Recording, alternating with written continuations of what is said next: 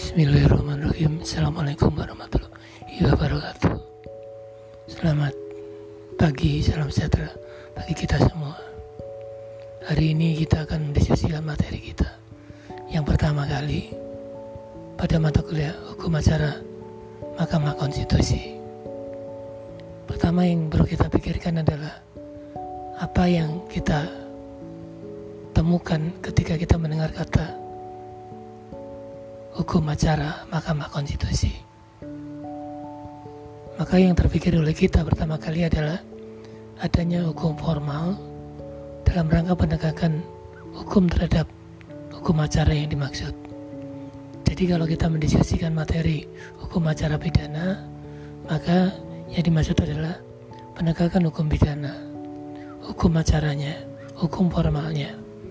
Ketika kita mendiskusikan materi hukum acara perdata, maka yang kita diskusikan adalah penegakan hukum perdata. Berarti adalah hukum formal hukum perdata. Demikian juga ketika kita bicara hukum acara Mahkamah Konstitusi, maka yang kita bicarakan atau kita diskusikan adalah penegakan hukum konstitusi atau penegakan kewenangan Mahkamah Konstitusi. Jadi hukum formalnya itu yang terpenting yang perlu kita catat. Mengapa kita perlu membentuk hukum acara?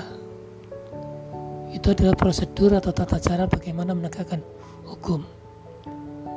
Masing-masing bidang hukum memiliki hukum acara yang berbeda-beda. Misalnya hukum acara pidana. Hukum acara pidana itu memiliki undang-undang tersendiri, yaitu Undang-Undang Nomor 8 tahun 81 tentang hukum acara pidana. Demikian juga kalau saudara perhatikan, ketika kita melihat hukum acara perdata, maka ada HIR, produk Belanda, produk kolonial yang masih ada berlaku saat ini, yang selevel dengan undang-undang. Kalau di hukum dikaitkan dengan hukum sekarang.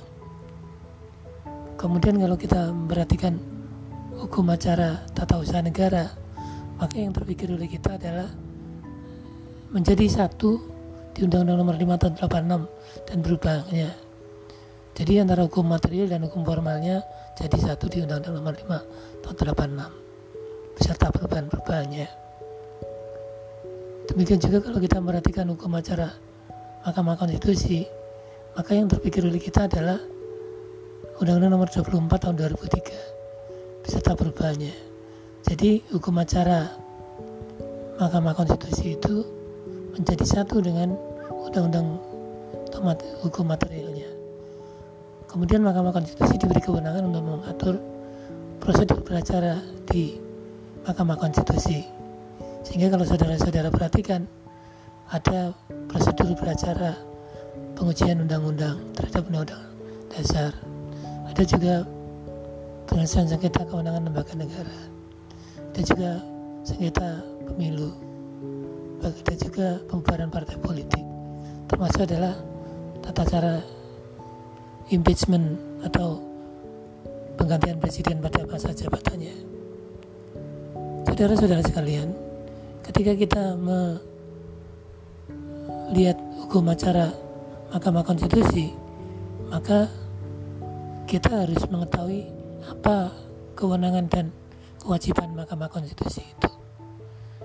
Saudara perhatikan pasal 24C ayat 1 Undang-Undang Dasar Negara Republik Indonesia tahun 1945. Kalau saudara perhatikan, Mahkamah Konstitusi berwenang untuk menguji undang-undang terhadap undang-undang dasar. Ini artinya bahwa Mahkamah Konstitusi boleh menguji undang-undang semua undang-undang baik yang pada masa pasca kemerdekaan maupun pada masa sekarang. Namun jadi perdebatan adalah apakah Mahkamah Konstitusi berwenang menguji Perpu. Karena kalau kita lihat Perpu itu adalah kondisi yang tidak normal yang dibuat oleh Presiden tanpa persetujuan DPR. Namun dengan konsekuensi tetap harus membawa segera membawa materi Perpu itu ke DPR RI pada sidang berikutnya. Kalau DPR setuju, maka Perpu itu berubah menjadi undang-undang.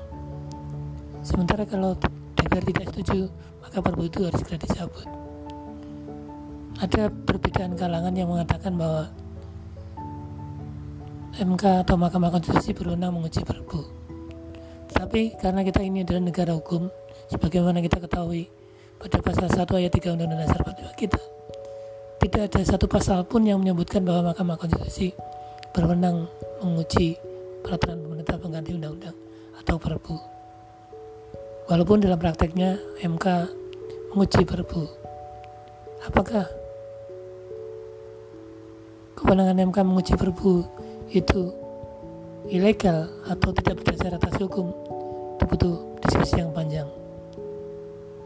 Yang kedua adalah kewenangan Mahkamah Konstitusi menyelesaikan sengketa kewenangan lembaga negara yang kewenangannya diberikan oleh Undang-Undang Dasar. Jadi jelas sengketa yang bisa diuji di Mahkamah Konstitusi adalah sengketa kewenangan lembaga negara yang kewenangannya diberikan oleh Undang-Undang Undang-Undang Dasar. Apa ada lembaga negara yang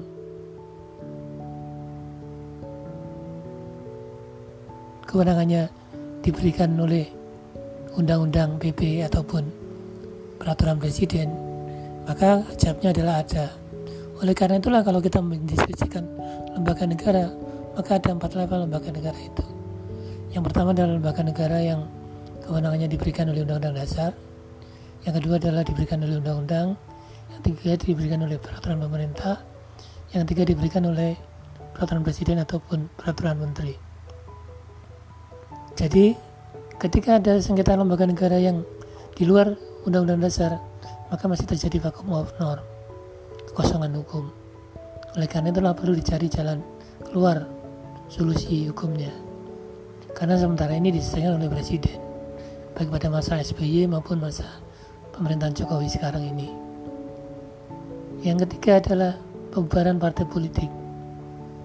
Kalau dulu pembubaran partai politik itu merupakan kewenangan Kejaksaan Agung sekarang harus dilakukan melalui Mahkamah Konstitusi Kejaksaan Agung sebagai pemohon sementara kalau pembubaran partai politik di Mahkamah Konstitusi itu adalah kewenangan Mahkamah Konstitusi.